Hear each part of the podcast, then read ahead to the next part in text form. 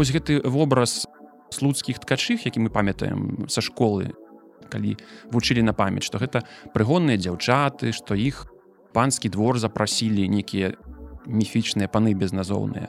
І там іх вучылі ткаць персідскія ўзоры правда неясна хто вучыў ты персідскія ўзоры ткаць паны там ці нейкія персы. Што ж табе не хапае тут у нас? Усё добра ў цябе. І грошы ёсць і вось нават там пасля былі скаргі што ён там трохі злоўжываў алкаголем то бок як бы грошы вадзіліся ў яго mm -hmm. А ён кажа, што говорыць я не ад неўдзячнасці уцякаў ад вас святлейшы князь, а просто я э, не бачыў сям'ю уже колькі гадоў. Аднак аказалася сапраўды гэта былі негрыцянкі. Гэта былі акторкі паднявольныя мясцовай трупы тэатральнай.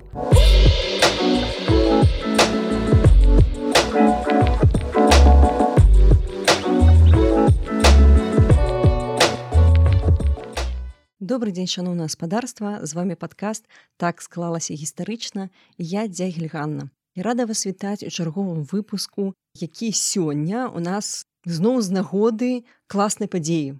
Да, як вы маглі заўважыць для мне класная падзея гэта звычайна выхады кніг.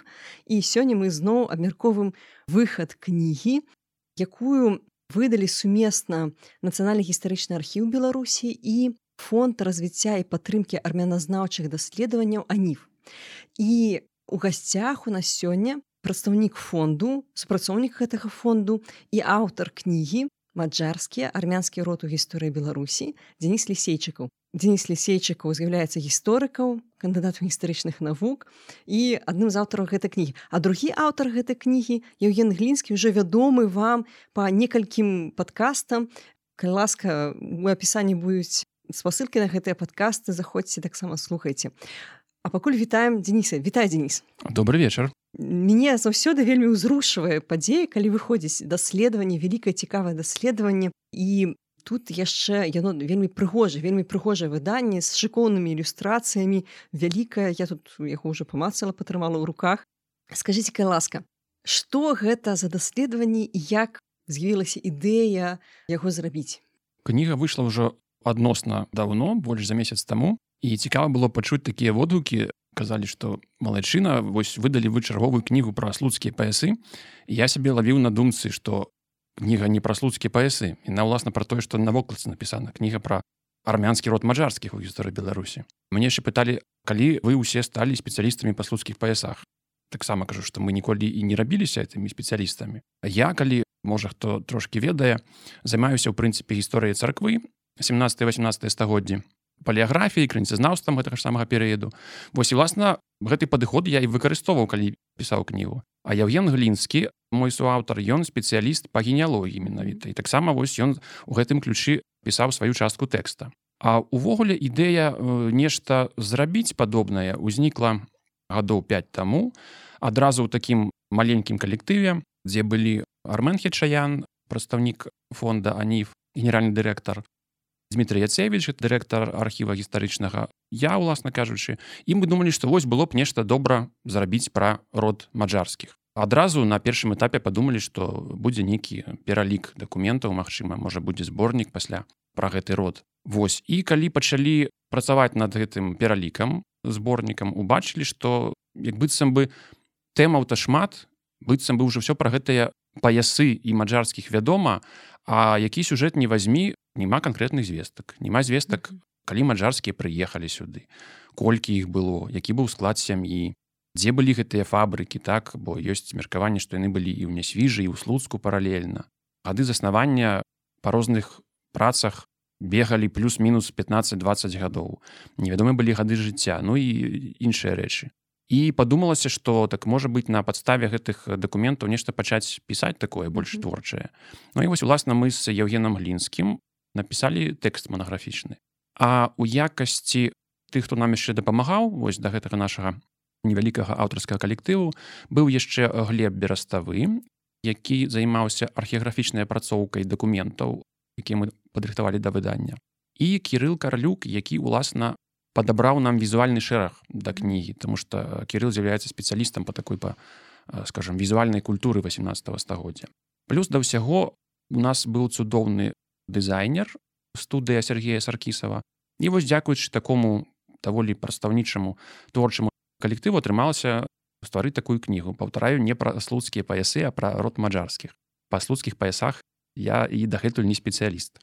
Да я просто такую рамарку нашим слухачам тому что калі вы не бачылі вокладку гэтай кнігі і не ведаеце ўвогуле хто такія маджарскія то на вокладцы кнігі ёсць слуцкія паясы власна кажучы маджарскія гэта род які стварыў стварыў слуцкія паясы паясы так. І таму асацыяцыя вельмі моцная канешне.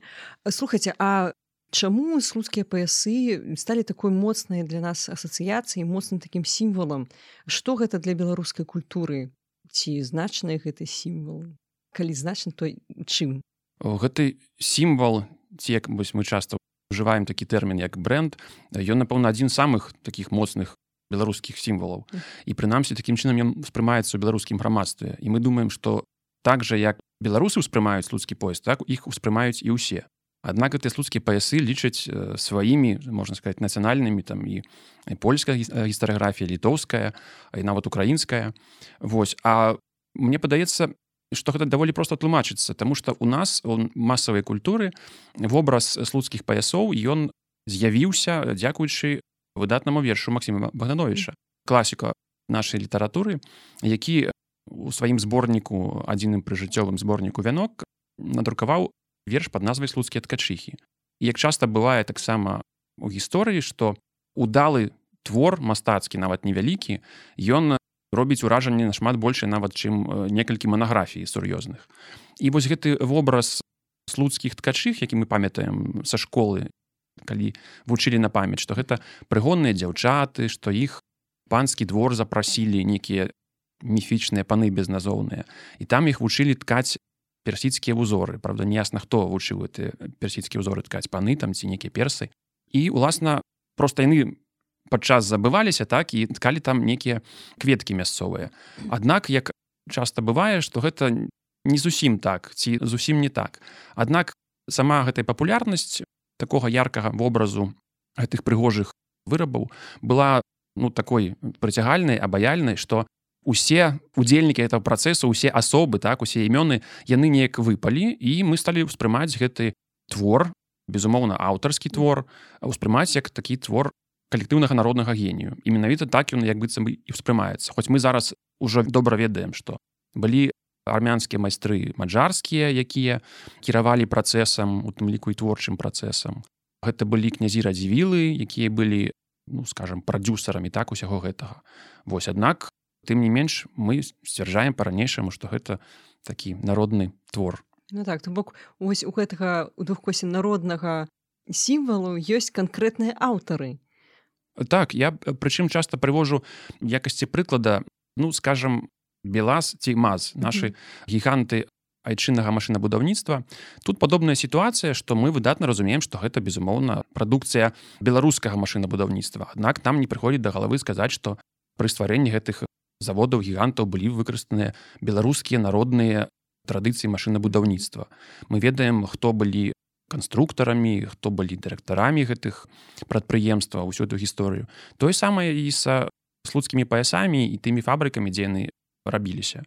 Ёсць канкрэтныя людзі якія запрасілі майстроў ёсць канкрэтныя майстры якія ну кажучы па-сучаснаму гэты дызайн распрацавалі.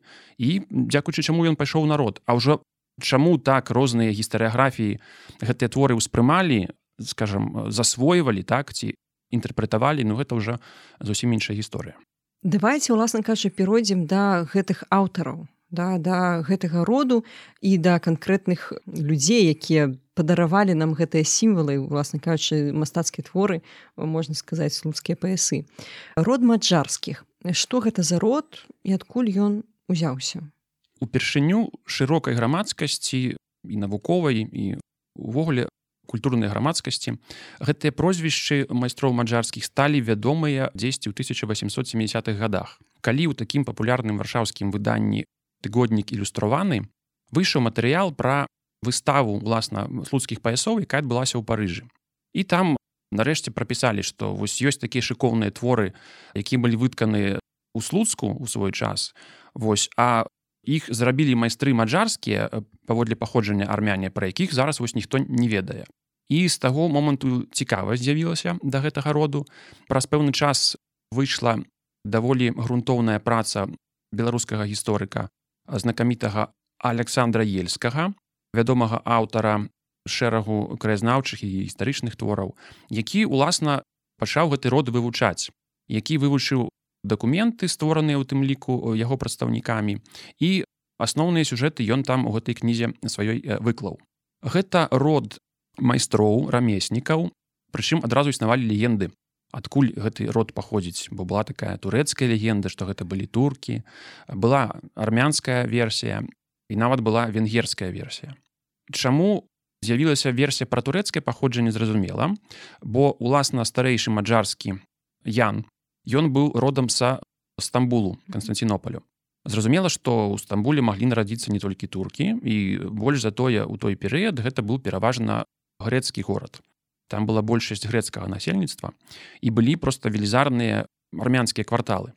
І вось сям'і армянаў стамбула і уласна быў гэты майстар ян маджарскі А адкуль з'явілася легенда пра венгерскае паходжанне лёгка тлумачыцца калі мы пра прозвішча ўзгадаем бо у дакументах 18 стагоддзя у тым ліку армянскамоўных маджарстанам называется венгрыя mm -hmm. і паводле родавай легенды якая і крыху дакументальна пацвярджаецца. Дзед майстра Яна ён быў родам з тэрыторыі венгрыі трансільваніі. Хутчэй за ўсё ён быў прадстаўніком мясцовых армянскіх калоній і ён у часе вялікай турэцкай вайны вось мы памятаем пра перамогу пад венай над туркамі аднак вайна доўга доўжылася гэтая. І у адной з аблогаў сталіцы сённяшняй сербіі белграду вось гэты ранні першы маджарскі міхал маджарскі ён трапіў да турак у палон а ўжо ўласна калі ён быў у асманскай імперыі ён там ажаніўся з мясцовай армянкай і вось так прывязка з'явілася да асманскай імперыі. Вось і атрымліваецца што 10 у 1750-х годах па запрашэнні міхала казіміра радзівіла рыбанькі майстар быў запрошаны у нясвіж на беларускія землі. Вось адкуль уже пачалася уласна беларуская частка гісторыі гэтага роду. А ян мачарскі ён займаўся ткацтвам і ў стамбулі уласна кажучы. Так ёсць вельмі цікавы дакумент. Думаю што мы яго пераклалі цалкам упершыню ён на лацінскай мове.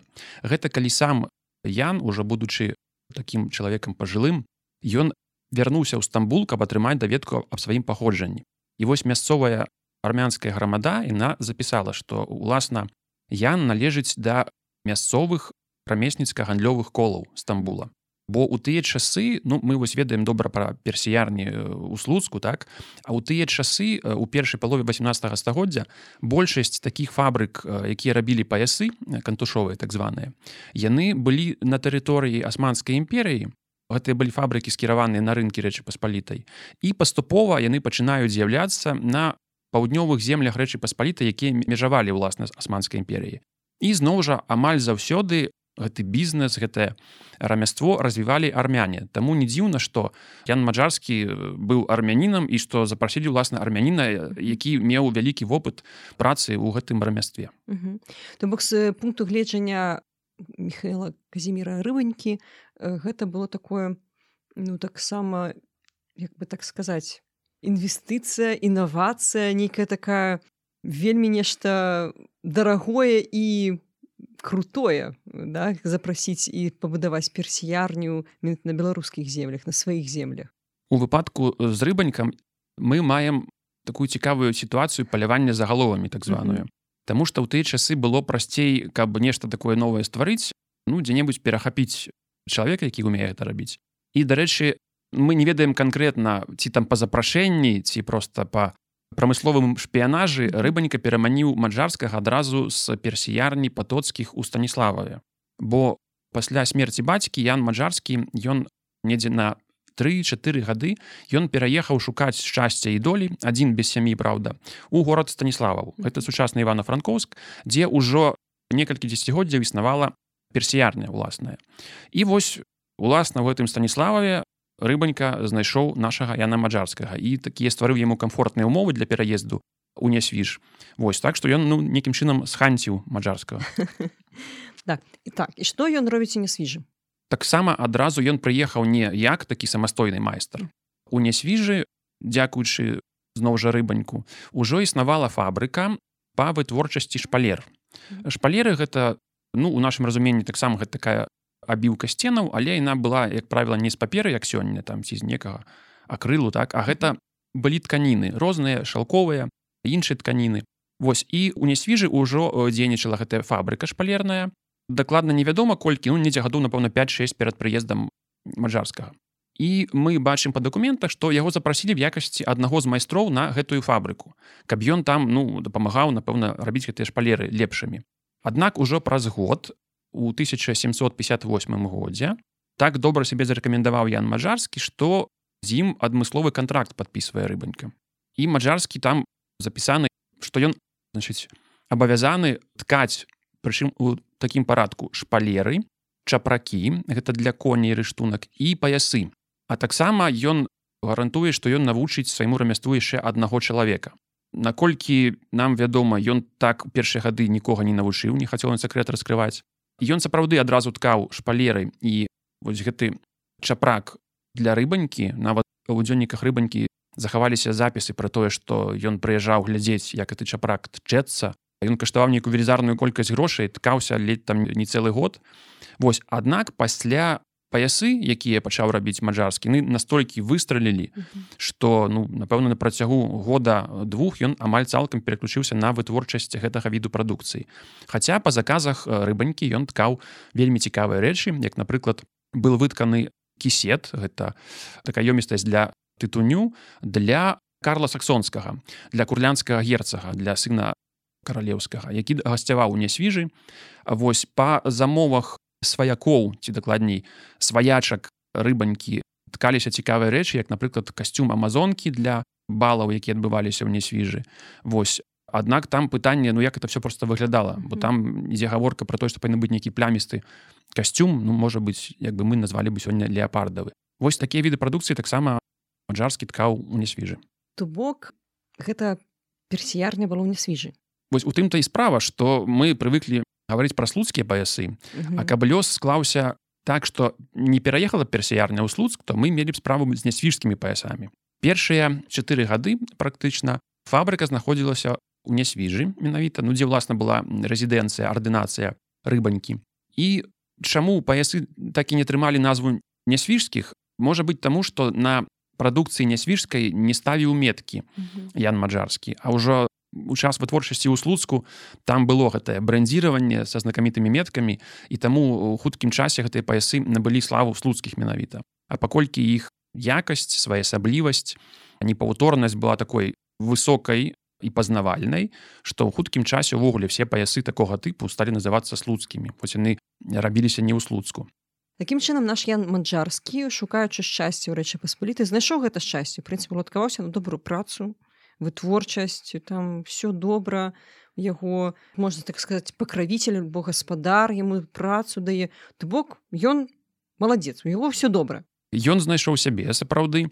Умовы былі шыкоўныя як можна меркаваць. Але мы бачым што першыя гады працы ў нясвіжы фактычна ён апынуўся ў залатой клетцы дзякуючы рыбаньку тому что грошай хапала магчымасцей хапала контракты былі даволі добрыя там можна было частку прадукцыі рэалізоўваць дзе было заўгодна але был нюанс у тым что сям'я гэта жонка сын і тры дачкі засталіся ў стамбуле. І гэта вельмі кепска ўплывала на эмацыйны стан яна мажарскага праз некалькі гадоў такая цікавая гісторыя адбылася якая была адлюстравана ў перапісцы ураднікаў радзявілаўскіх з князем. Невядома правда гэта быў адзін выпадак ці некалькі было. Але увесну 1760 -го года гэта праз тры гады пасля прыезду атрымліваецца Ян маджарскі уцёк у накірунку стамбула вось да тых родных сваіх земляў. Прычым уцёк ён там даволі па-хітраму ён ведаў што паясы даволі дарагая рэч. Ён прыхапіў як быццам бы некалькі паясоў на продаж сказаў што паедзе па нейкіх сваіх справах і з імі знік і вось там праз некалькі тыдняў пачалі біць трывогу ўраднікі ў нясвіжы што вось наш мэтр персіяр дарэчы яны яго называлі мэтрам і яго яго сына пазней такім тэрмінам мэтр называлі наш мэтр персіяр з'ехаў але мы зараз будзем яго лавіць. І ўсе намаганні ўраднікаў не свіжа радзівілаўскай лахвы алыкі іншых гарадоў былі скіраваны на пошук уцекача і быў ён злоўлены недзе ў раёне сённяшніх бродаў. Вось там дзе броды станіславаў прыблізна тыя мясціны дзе ён працаваў перад нясвіжам. Верагодна ён накіроўваўся туды на поўдзень у стамбул. І калі яго вярнулі у нясвіж пачакаў ён трошки князя яго прыезда з варшавы дзе той быў на сойме чарговым. І недзе праз месяц была сустрэча якая зафіксаваная у крыніцах дзе князь пачаў так это па-бацькоўску пытацца. Ну, кажа што ж табе не хапае тут у нас? Усё добра ў цябе. І грошы ёсць і вось нават там пасля былі скаргі што ён там трохі злоўжываў алкаголем то бок як бы грошы вадзіліся ў яго mm -hmm. А ён кажа што говорыць я не ад неўдзячнасці уцякаў ад вас святлейшы князь а просто я э, не бачыў сям'ю уже колькі гадоў. І так увайшоў у становішча рыбанька што паабяцаў ён майстру кажа добра ты працуй тут а я арганізую дастаўку сям'і са стамбула так выйшла што дастаўку сям'і ён даручыў таксама аднаму з вядомых армян у рэчы паспалітай львоўскіх армян. Там была такая цікавая пасада во Львове старэйшыны армянскага. Называлася она дакладна дырэктар армянскай нацыі горада Львова. І гэты заможны купец гандляр некарович Григорий некарович і ён уласна арганізоўваў дастаўку са стамбула жонкі з дзецьмі Яна маджарскага.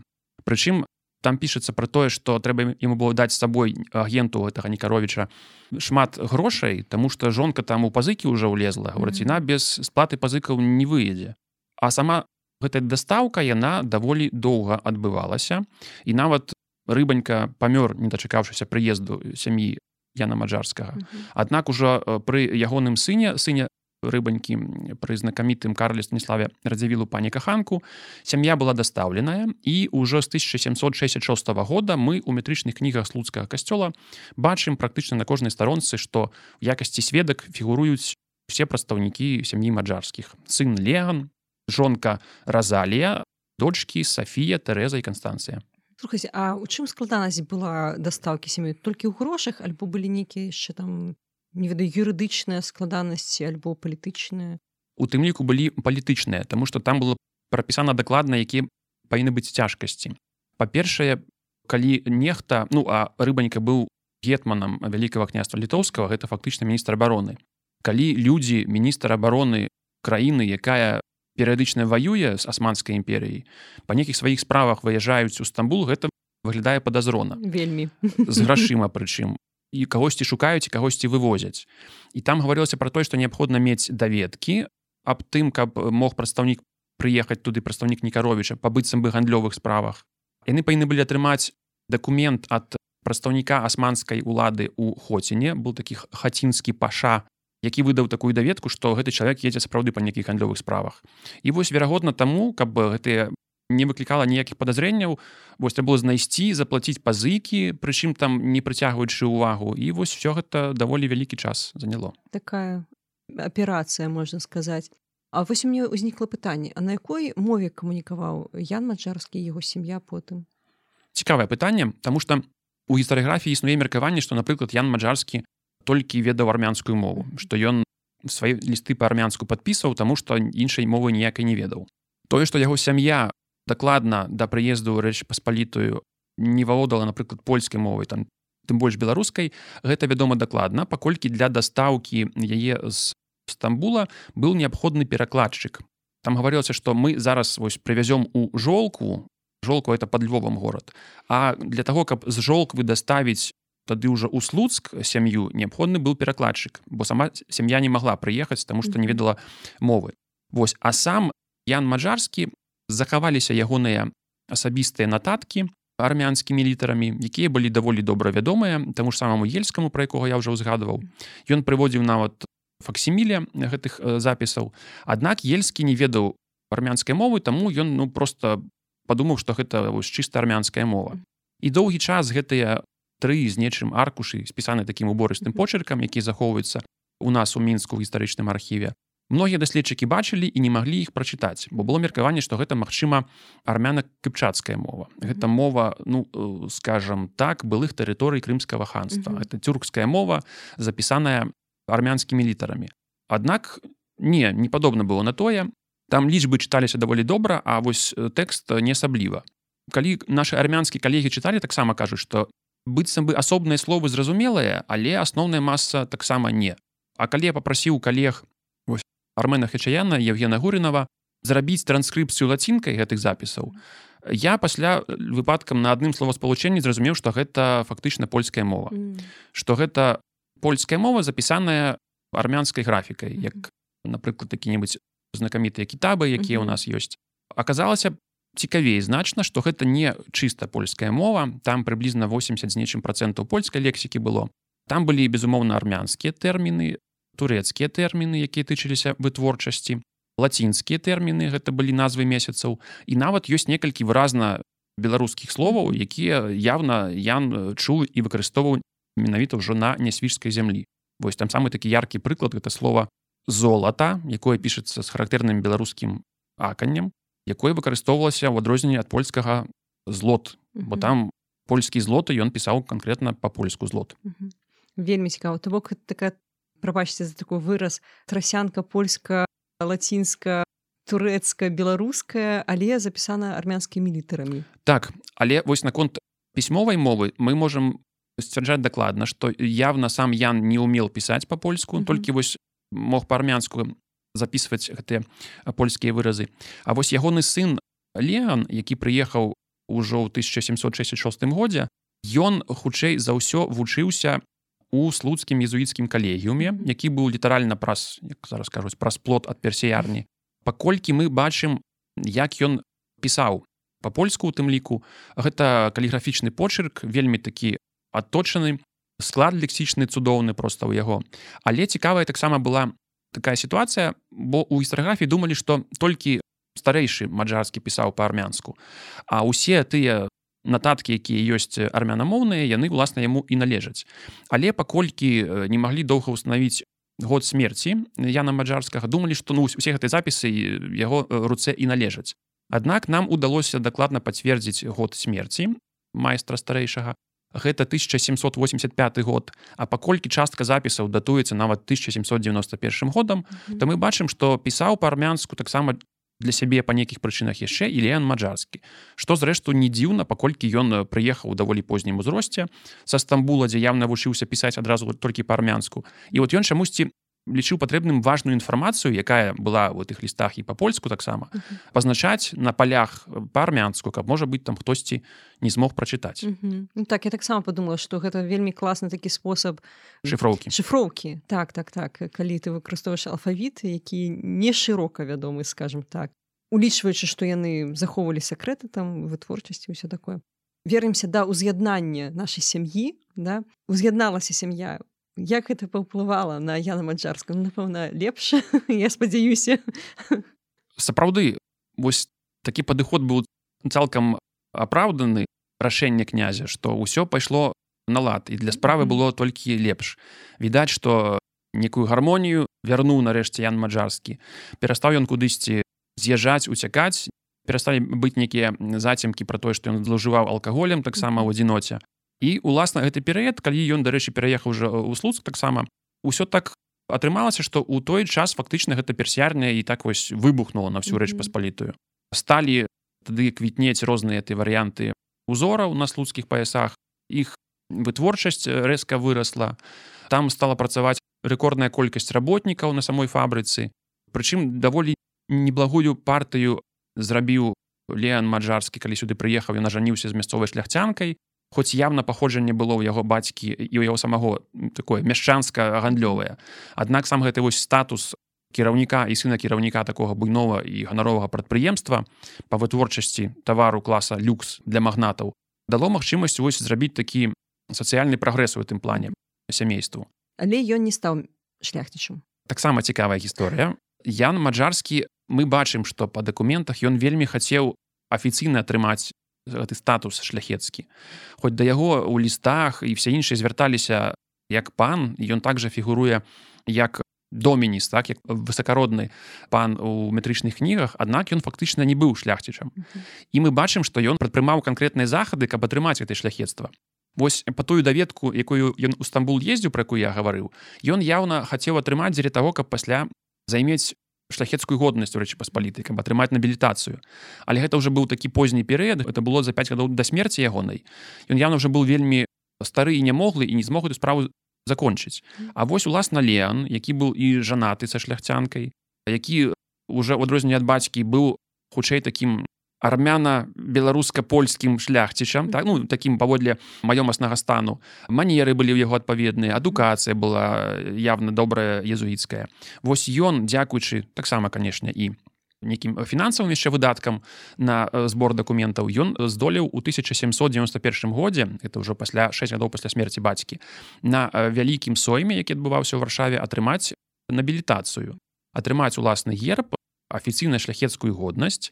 Дарэчы на гэтым жа сойме многія іншыя армянскія рамеснікі персіяры атрымалі гэтую шляхецкую годнасць як знакаміты пасхаліс якубович з варшавы. То бок ім удалося. Так і пасля яны пацвердзілі гэтую годнасць нават ва ўмовах расійскай імперыі. Яны былі прызнаны в якасці дваранства расійскай імперыі.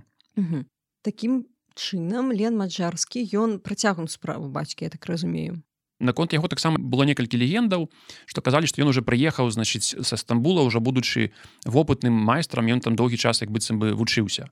Хоць мы бачым што ён прыехаў даволі маладым узросце яшчэ вучыўся нават ну умоўна кажучы пісаць па-польску таксама і нейкім іншым рэчам у тым слуцкім калегіум езуітаў. Явна яму бацька гэтае ўменне сваё перадаў Таму што мы бачым што апрача самога Яна Леана яшчэ там двух набліжаных людзей ніхто вось гэты сакрэт не ведаў ёсць нават там тэрмін вязаць кветкі менавіта. Mm -hmm. это быў самы такі напэўна важны сакрэт у вытворчасці слуцкіх паясоў. Прычым казалі што Леан толькі выкарыстоўваў напрацоўкі бацькі сам ён там чамусьці не мог стварыць нейкіх там удалых узораў. Аднак калі мы ведаем што яго бацька памёр у 1785 годзе а персіярны квітнела там до конца 1790-х гадоў а уласна самыя лепшыя творы прыпадаюць на 80-е гады mm -hmm. то можна сцвярджаць што менавіта пры леяне на найбольшага росквіту дасягнула больш за тое у 1776 годзе калі ўжо афіцыйна Ян маджарскі гэту персіярню атрымаў фактычна ў арэнднае валоданне mm -hmm. То бок это была ўжо не радзівілаўская де-факто а маджарскіх персіяр то з 76 -го года у дакументах цікава з'яўляюцца тэрміны ёсць стары метр і малады метр mm -hmm. То бок яны пэўны час на дваіх дзялілі гэтую пасаду і я думаю што Леан ён был ну адным з тых хто здолеў яшчэ развіць гэтай напрацоўкі бацькі і давесці іх да дасканаласці А у якім прыкладна ўзросце ён атрымліваецца прыехаў подлеткавы яму было недзе каля 20 ага. з невялікім гадоў.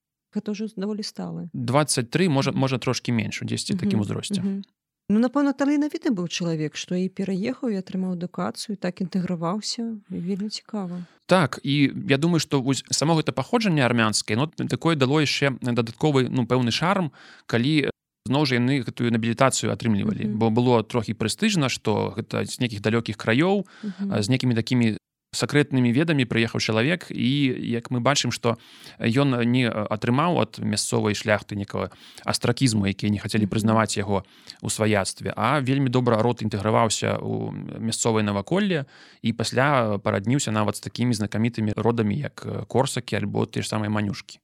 Слухайце А вось можете сказаць некалькі слоў увогуле пра месца армянаў рэчы паспалітай? Ці шмат іх было? Чым яны займаліся? І які ў іх быў статус можна так сказаць Ну цяпер па роду сваёй дзейнасці я ўжо некалькі гадоў займаюся канкрэтна вывучэннем гісторыі армянскай прысутнасці на землях вялікага княства літоўскага mm -hmm. Таму што напэўна як і большасць жыхароў беларусі мы думаем што у нас ну істотная армянская прысутнасць ну была напэўна толькі стагоддзі у двадцатым mm -hmm. так калі розныя былі нейкія ваенныя падзеі там ці нейкія палітычныя падзеі у складзе савецкага саюза Аднак оказывается что і ў 19 стагоддзі і 18 і ў 17 і нават у 16 была даволі значная армянская прадстаўнічасць на наших землях. Нам удалося знайсці звесткі пісьмовыя афіцыйна пацверджаныя пра самае ранняе з'яўленне армянаў на беларускіх землях. Гэта 1508 год і гэта што цікава таксама са слуцкам звязана рэч у тым что у тыя часы многія армянскія купцы якія па розных накірунках з тэрыторыі асманскай імперыі і прылеглых земляў накіроўваліся яны дабіраліся нават да полацка да вільні і вось адзін з такіх галоўных гандлёвых армянскіх маршрутаў пралягаў праз слуцк уласна по накірунку кіяў мазыр слуцк вільня і вось у часе аднаго з вяртанняў з таварамі з вільні двое купцоў за знакамітага мяцяжа міхала глінскага так не маглі праехаць далей на поўдзень і вось спыніліся ў слуцку Так што з таго часу на працягу 16 стагоддзя мы даволі часта бачым у крыніцах армянаў у вільні у мазыры у тураве у магілёве у мсціславе. І гэта як правіла былі гандляры. Аднак ёсць два прыклады армянскіх родаў якія атрымалі шляхецкую годнасць у жоўтыя часы. Гэта род арменчыковічаў сутоцкіх з мсціслаўшчыны і цікавы род лянкевічаў і пагорскіх з мазыршчыны род чым цікавы што на знакамітым акце люблінскай уніі паміж вялікім княствам літоўскім каралевствам польскім з боку шляхты вялікага княства літоўскага стаіць подпіс армянскага шляхціча лянкевіча і пагорскага фёдора і уласна герб вельмі нагадвае адну з армянскіх літар. Вельмі цікава. Ввогуле гісторыя нацыянальных такіх меншасцяў на беларусі мяне захапляе. Але вось канкрэтна само рамяство гэтае персіярскае яно таксама трапіла фактычна ну амаль цалкам армянскія рукі на тэрыторыі рэчы паспалітай паколькі у працэсе складання такой культуры своеасаблівай культуры сарматызму 17-18 стагоддзя то вось у гэтым вобразе у гэтым касцюме шляхціча сармата там выразна заўважныя ўсходнія матывы паколькі у часе войнаў з асманскай імперыі як кажуць хоцькі няходзькі пераймалі некаторыя рэчы з турэцкага боку. Гэта у вопратцы некаторыя рэчы ў зброі таксама скажем коні лічыліся самыя лепшыя турэцкай пароды. Вось але гандлем гэтых умоўна ўсходніх тавараў як бы не называліся. Бо дарэчы паясы у крыніцах называліся трох відаў. Яны былі стамбульскія персідскія і нават кітайскія. Хоць падаецца там кітайскага нічога такога і няма. І вось гэты рынок гэтых тавараў усходніх якія дастаўляліся з асманскай імперыі ці персій там ці нават індыі Китаю. Ён амаль цалкам трапіў у руки армянаў і больш был такі цікавы падыход паколькі многія якасныя такія рэчы як там якасную зброю ці якасную вопратку такую ўсходнюю маглі сабе дазволіць толькі магнаты. Аднак хацела такое мець уся шляхта. І таму быў такі бюджэтны варыянт з боку армянскіх майстроў. Ёсць нават такая катэгорыя рэчу як скажем шаблі армянскага тыпу якія быццам бы чымсьці былі падобныя на шаблі там са знакамітай дамаскай сталі але былі такія самыя ды танней у некалькі разоў можа быць і ў 5 разоў. І гэтую нішу паступова армяне займалі таму не дзіўна што шукалі майстроў для сваіх будучых фабрык у нясвіжа і слуцку радзівіла менавіта сярод армянскіх рамеснікаў слухайте А як была уладкавана уласна кажучы гэта фабрыка? Як быў там пабудаваны працэс? Вы казалі што там шмат людзей працавала. Колькі людзей працавала? Што гэта былі за людзі? Як увогуле гэта было арганізавана так? Ці вядома гэта на першых часах калі фабрыка была нясвіжы мы бачым што там працавала зусім мала людзей. Там гэта был уласна на першых парах увогуле был толькі сам майстар ян і былі яго чатыры такія падмасцер'я двое з іх былі выхадцамі з галічыны гэта з тэрыторыі заходняй Україніны двое былі мясцовыя. Тады яны жылі на тэрыторыі палаца паркавага комплексу кансаляцыя які будаваўся радзівіламі адразу як такі тэатральны комплекс як летні тэатр своеасаблівы. Аднак там пасля ў гэтых будынках як я уже гаварыў была створаная фабрыка шпалераў адразу і вось некія памяшканні былі выдзелены пад персіярню А калі ўжо яны пераехалі ў слуцк чаму яшчэ перавёў радзівіл фабрыку ў слуцк? Бо там пасля смерці яго брата гераніма флорыяна радзівіла шмат чаго пачало пуставаць паколькі браты яны паміж сабой спаборнічалі і у аднаго быў тэатр у другого быў тэатр. У аднаго было вялікае прыватнае войска у другого было вялікае прыватнае войска. А калі стала не патрэбна такая колькасць вялікага прыватнага войска ў слуцку а там пуставалі казармы гранд мушкецёраў такія два вялікія выцянутыя будынкі якія добра відаць на планах горада. І уласна ў гэтыя казармы былыя і была перавезеная персіярня з нясвіжу. У часы росквіта у гэтай персіярні яе будынках у гэтых былых казармах працавала і жыло прычым таксама там жа жыло каля 60 сем'яў гэтых персіяраў. З жонкамі з дзецьмі. Тых хто быў пабагацей пасля з цягам часу намагаліся пераехаць жыць у нейкія больш прэстыжныя дамы у самім слуцку напрыклад той же самы ян маджарскі ў 1771 годзе недзе праз 10 гадоў пасля пражывання у слуцку ён купіў у сваё ўладанне невялікі маёнтачак под слуцкам под назвай сёлка і зараз там таксама тэрыторыя гэта захавалася там нават некаторыя дрэўцы засталіся аднак там зараз здаецца слуцкі водаканал калі мы хацелі патрапіць паглядзець на падмуркі сядзібы сказалі што туды такім як мы нельга праходзіць А адкуль браліся вось гэтыя рабочыя? Дарэчы жонкі таксама працавалі альбо толькі мужчыны працавалі? Мы памятаем паводле верша багнановича что там былі у нас прыгонныя дзяўчыны. Так. і ну таксама існавала меркаванне што былі там ці не былі Таму што быццам і па дакументах толькі мужчыны сустракаюцца. Той самае і ельскі сцвярджаў у сваёй працы. Але у дакументах ранніх сапраўды там фігуруюць таксама і жанчыны. Прычым гэта маглі быць жонкі персіяраў ну умоўна кажучы тых э, чарнарабочых якія там былі бо там праца была жанчын таксама там трэба было нейкую рабіць такую тэхнічную чорную працу намотваць тыя самыя ніткі там на гэтыя шпулі і іншая рэч так што безумоўна працавалі таксама і жанчыны але яны былі непрыгонныя. Гэта былі наёмныя ці як? Гэта былі амаль цалкам мясцовыя ўраджэнцы. Мы бачым што там усяго было некалькі з тых земляў з земля украінскіх якія прыехалі адразу з янам маджарскім а пасля ну напэўна процентаў 95 гэта прадстаўнікі мясцовых таких мяшчанскіх дынастый мяшчанскіх падкрэсліваю з тэрыторыі нясвішчаны альбо случчыны былі некаторыя прадстаўнікі з іншых маёнткаў радзівілаўскіх як напрыклад з маёнтка белая. Гэта сучасная бяла падляска которая ў Польшы але гэта былі асабіста вольныя мясцовыя людзі мяшчанскага паходжання некаторым з іх таксама па ўзоры маджарскіх з цягам часу дзякуючы працы на этой персіярні удалося атрымаць таксама такі пэўны прагрэс сацыяльны і э, займець нават афіцыйнай шляхецкую годнасць але большасць так і на мяшчанамі і засталася хоць можна меркаваць па дакументах што зноў жа праца на такім прадпрыемстве давала нейкія таксама пэўныя выгоды.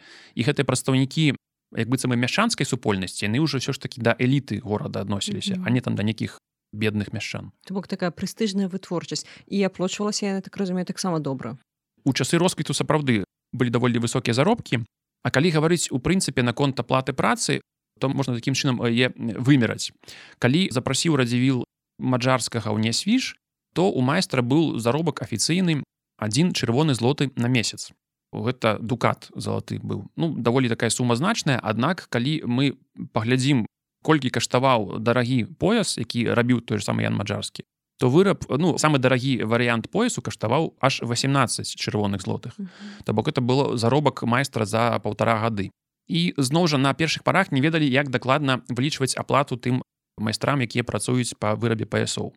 У дакументах ёсць такая цікавая зацемка што адразу плацілі майстрам страўнае так званое слово страва гэта скажем так это не толькі на пракорм а ў прынцыпе гэта плата за тое што чалавек працуе вось уласна кажучы а чалавек працуе месяц яму плаціцца пэўная стаўка а як бы якасць працы ці там нейкі плён працы ён не ўлічваўся і значыць маджарскі пасля пісаў што ну адразу мы плацілі ўсім гэтым майстрам страўнае тады на выраб пояса ў сярэднім ішло 17 тыдняў А пасля мы перайшлі на здзельную аплату сталі плаціць за пояс канкрэтны. Говорит тады паясы сталі ткацца за тры тыдні магія. Амаль у 6 разоў працэс паскорыўся і такія многія рэчы такое вынаходніцтва практыкавалася маджарскім як напрыклад пісалася што не варта іх кудысьці пускаць есці. Таму што вось, пасля с- сыходзяць вяртаюцца там ведаю забедаць і там адкуль позна. А варта арганізаваць харчаванне страваванне на тэрыторыі персіярні што Мгм. гэта будзе спрыяць больш хуткаму працэсу Мгм. так яно і было Да. Ну я ведаю адказ на гэта пытанне, але я хачу, каб вы пра гэта расказалі. А ці былі нейкія такія цікавыя катэгорыі рабочых? Я разумею аб чым вы пытаецеся і дарэчы вось гэтага сюжэта у прынцыпе пачалася праца над кнігай менавіта як над манаграфіяй. Таму што як я уже гаварыў мы з калегамі не спецыялісты па слуцкіх паясах і нават калі бачылі эту масу дакументаў не ведалі а власна з чаго пачаць пісаць нейкія сюжэты. Мгм. что там магло быць такое яркае непаўторнае тое што вось здзіўляе шакуе. І калі вось мы гэты сюжэт убачылі таксама стала зразумела з чаго пачынаць варта працу. Тады я літаральна там за тыдзень напісаў адзін з падраздзелаў. Калі мы убачылі дакументы аб пераводзе фабрыкі з нясвіжа ў слуцк то камендант слуцка які прымаў гэтую вытворчасць у слуцку у гэтых казармах гран мушкецёраў пра якія я гаварыў. Ён пісаў такую справаздачу князю што маўляў прыязджаюць варштаты мы зараз пачынаем працу па іх устаноўцы хутка ўсё будзе запущено весь працэс будзем закупаць таксама матэрыялы для вырабу прадукцыі. Кажа і значыць я вырашыў даручыць працу по ткацтве вось гэтых паясоў на першых парах пакуль там не было нейкіх распараджэнняў. І ёсць характэрны польскі выраз муржынкі ну муржынкі перакладаецца к негрыцянкі я там некалькі разоў перачытаў гэты выраз ну як бы негрыцянкі адкуль не маглі взяцца ў слуцку? Я думаю што можа быць я быў нейкім першаадкрывальнікам гэтага слова. Ну многія яго бачылі нават у кнігах даследчыка апошніх гадоў гэты тэрмін фігуруе аднак ну под магіяй под уплывам верша богдановича яны падумалі што гэта не мужынкі а мужычкі. Што гэта прыгонныя сялянкі маўляў гэта жанчыны з мясцовых вёсак Аднак аказалася сапраўды гэта былі негрыцянкі гэта былі акторкі паднявольныя мясцовай трупы тэатральнай. Бо як я гаварыў што абодва браты радзівілы і рыбанька і вось геранім флорыян радзівіл яны мелі тэатры прыгонныя даволі шыкоўныя па тых часах даволі вядомыя і кожны намагаўся мець яшчэ такую модную экзотыку у складзе гэтых трупаў. І у аднаго і ў другога былі такія невялікія негрыцянскія трупы мы знаходзім па дакументах што ў слуцку было ці то 8 ці то 9 зараз не памятаю гэтых цемнаскурых афраслучанак ёсць захаваўся іх рацыён іх кармілі дарэчы даволі добра хоць яны былі де-факту нават на правах прыгонных аднак іх кармілі значна лепш чым беларускіх прыгонных так у мясцовых маёнтках. Была цікавая пасада под назвай старэйшы негр які быў з вольных людзей з асабіста вольных людзей які просто працаваў як ну служачы які умеў на той мове размаўляць значыць за тымі нявольніцамі. Вось і мы намагаліся знайсці адкуль прыязджалі гэтыя цемнаскурыя афраслучанкі у слуцк. І у адным дакуменце у дзённіках гаспадарчых княскай адміністрацыі мы знайшлі цікавы такі дакумент аб дазволе на водпуск этому старшаму негру якога па іроніі лёсу радзівілы назвалі фрыдрыхам августам так як звалі караля нагадаю mm -hmm. Вось гэты фрыдрых август прасіў яго адпусціць да старога бацькі на востраў барбадас А калі мы паглядзім што ў тыя часы сябе барбадас уяўляў гэта даволі такі буйны рынок нявольнікаў быў у карыбскім басейне. І вось верагодна адтуль власна радзівілы для сябе знаходзілі гэтых чорных нявольніц. Мы сустракаем у метрычных кнігах слуцкага касцёла таксама запісы там аб смерці гэтых дзяўчат. Так што ў прынцыпе на першых часах у слуцку гэтыя паясы сапраўды ткалі нявольніцы там сапраўды рука іх забыўшыся ткала гэты персідскі ўзор аднак яны былі як бачым з барбадосу. Бок зусім іншая карцінка ўзнікае калі мы читаем цяпер верш богдановича у метрычных кнігах таксама напісана што яны мужынкі бок як іх можна вызначыць у метрычных кнігах там гэтыя дзяўчаты ну, ці можа быть уже не былі дарослыя жанчыны невядома яны толькі па імені называюцца бо іх явно не было такога прозвішча характэрнага для мясцовых жыхароў і там пішацца вось гэта характэрная выраз негроў что цёмныя чорныя так? Негрыцянка родам пішацца -hmm там на жаль пераважна толькі запісы аб іх смерці і вось пытанне таксама ці можна было ім уступаць в шлюб. Таксама это адзін з таких сюжэтаў які яшчэ патрабуе даследаванняў. Што сталася з імі ці былі ў іх сем'і ці былі нейкія нашчадкі. Вось можа быть зараз у крыві часткі случакоў ёсць таксама афрыканская кроў. Такім чынам у нас у 90-е гады прыкладна росквіт атрымаўся гэта персіярні так? А чым ну, не скончылася не хочется казаць каб скончылася гісторыя А якая далейшая гісторыя гэтага прадпрыемства была ось ужо у 19 стагоддзі на 1790 гады прыпадае нават уже заняпад мы можемм mm -hmm. гаварыць што заняпад пачаўся з моманту смерці патрона Карля станіслава радзівіла пані каханку ў 1790 годзе. Пасля падзей што быў слуцк далучаны да расійскай імперыі пасля былі падзеі паўстання таксама. Усе гэтыя вось перапеты 90-х гадоў яны прывялі да таго што нават сам Леан маджарскі пісаў што вытворчасць фабрыкі колькасць работнікаў упала ў два разы і ён хацеў нават пазбавіцца ад фабрыкі адмовіцца ад арэнды вярнуць я радзівілам тому што яна явно не прыносіла ўжо пэўнага прыбытку і вось нават захаваўся адзіны вядомы план самой гэтай персіярні дакладней план перабудовы гэтай персіярні Ён датуецца гэтым жа прыблізна перыядам это 1797 год калі ўжо хацелі ўжо ў часы расійскай імперыі частку гэтых будынкаў як я гаварыў іх было такіх два будынкі казармаў. Вось адзін пакінуць за персіярамі каб там далей працавалі а другі аддаць под зноў жа казармы ўжо расійскіх войскаў. Дзякуючы гэтаму паўстаў план перабудовы персіярні які захаваўся зараз у архівах санкт-петербурга. І мы нават намагаліся зрабіць з калегамі такую 3d рэканструкцыю як это все выглядала. Вось таго часу фактычна стала занепадаць фабрыка. Яшчэ даволі доўга ад яе не мог пазбавіцца леан маджарскі. Толькі гэта адбылося ў 1807 годзе калі не памыляюся. Тады фабрыка перайшла ў руки іншых ткачоў там мяняліся тыя хто гэту фабрыку арендаваў летам не кожныя 5 гадоў. У тыя часы мы можам бачыць што яна пераключаецца на вытворчасць іншай прадукцыі. Ўжо не гэтыя паясы ткаліся. Дарэчы яны і паступова з моды выходзілі хоць ёсць зноў жа такі міф што было забаронена гэты кантушовы касцюм насіць. Mm -hmm. мы ведаем што насілі па-ранейшаму гэтыя касцюмы там некаторыя. Але верагодна зноў жа ты нейкія модныя тэндэнцыі паўплывалі што зусім іншае выходзіла ў моду. Аднак такую прадукцыю як розныя хусткі тканіны шпалеры гэтай фабрыка працягвала рабіць. Дарэчы есть таксама такое падазрэнне што гэты від прадукцыі ён рабіўся і у часы росквіту. Просто ён быў такі бюджэтны тавар ён не для вышэйшай верхушкі шляхты рабіўся як паясы тыя ж самыя. Просто паясы яны як тавар я уже гаварыў класа люкс яны перадаваліся ад бацькі да сына да ўнука як такая сямейная рэліквія таму іх так шмат захавалася а тыя самыя шпалеры гэта быў расходны тавар тыя ж хустачкі розныя то вось уласна апошнія гады персіярня іх рабіла на патрэбы мяшчан.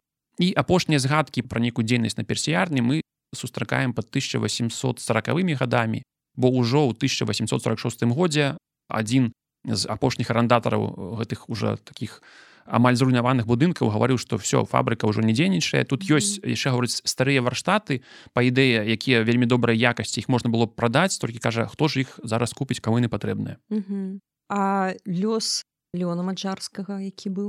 Ён зрабіў даволі паспяховую кар'еру, Таму што ён меў каласальныя фінансавыя магчымасці, ён набыў некалькі маёнткаў, не толькі вось у слуцку той самы сёлка, ад якога ён пасля дарэчы адмовіўся.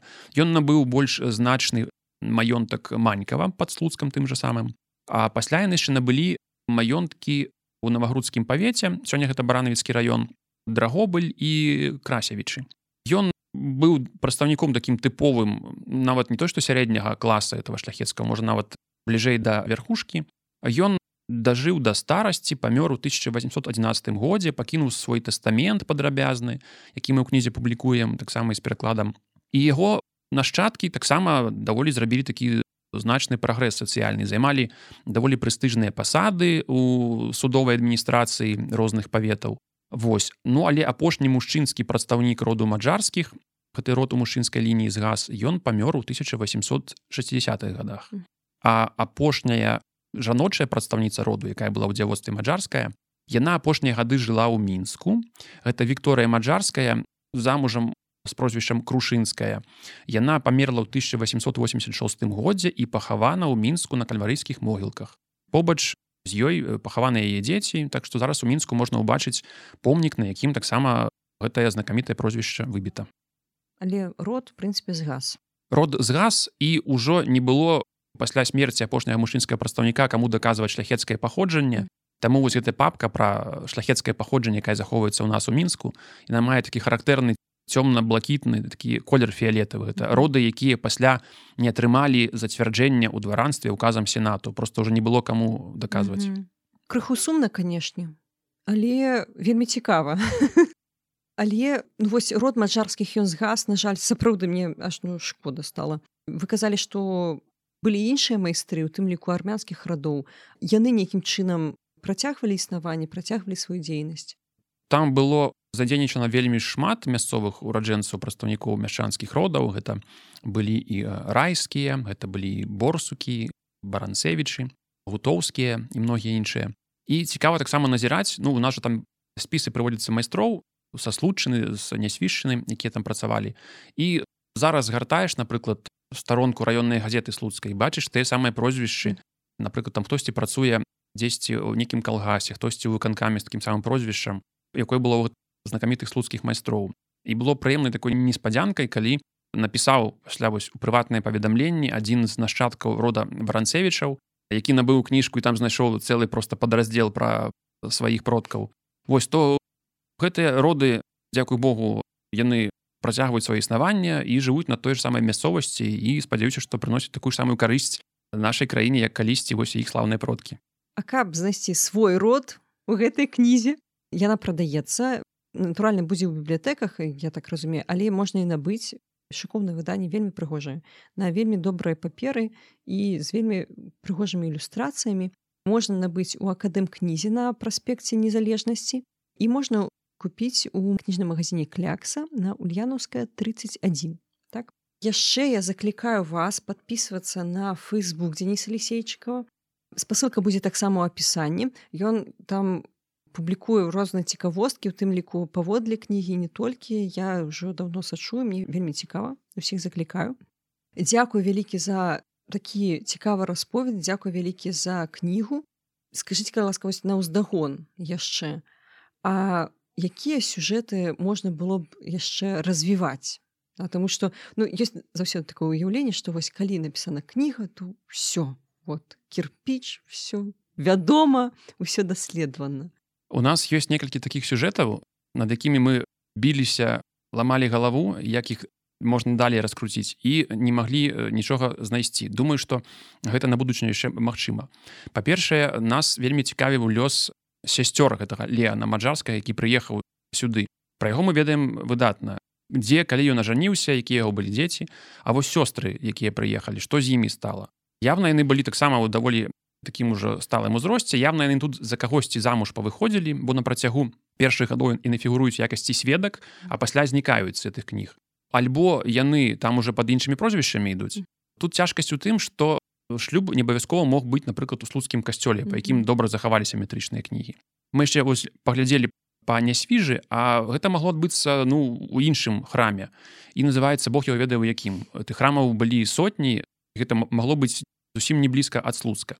То вось лёс дзяўчат маджарскіх нас вельмі трывожыў што з імі сталася а таксама напрыклад амаль нічога невядома пра стамбульскі перыяд жыцця майстра Таму што па ідэі ён належаў мы ведаем да мясцовай армянскай грамады прычым быў рыма каталіком а не армяна каталіком як многія думалі Аднак метрычныя кнігі стамбульскіх касцёлаў таго перыяду захаваліся вельмі фрагментарна мы знайшлі толькі метрычныя кнігі дзякуючы калегам аднаго касцёла там дзе амаль усе былі прыхаджане італьянцы там это быў такі італьянскі касцёл Вось а звестак пра жыццё Яна мажарскага мы там не знайшлі.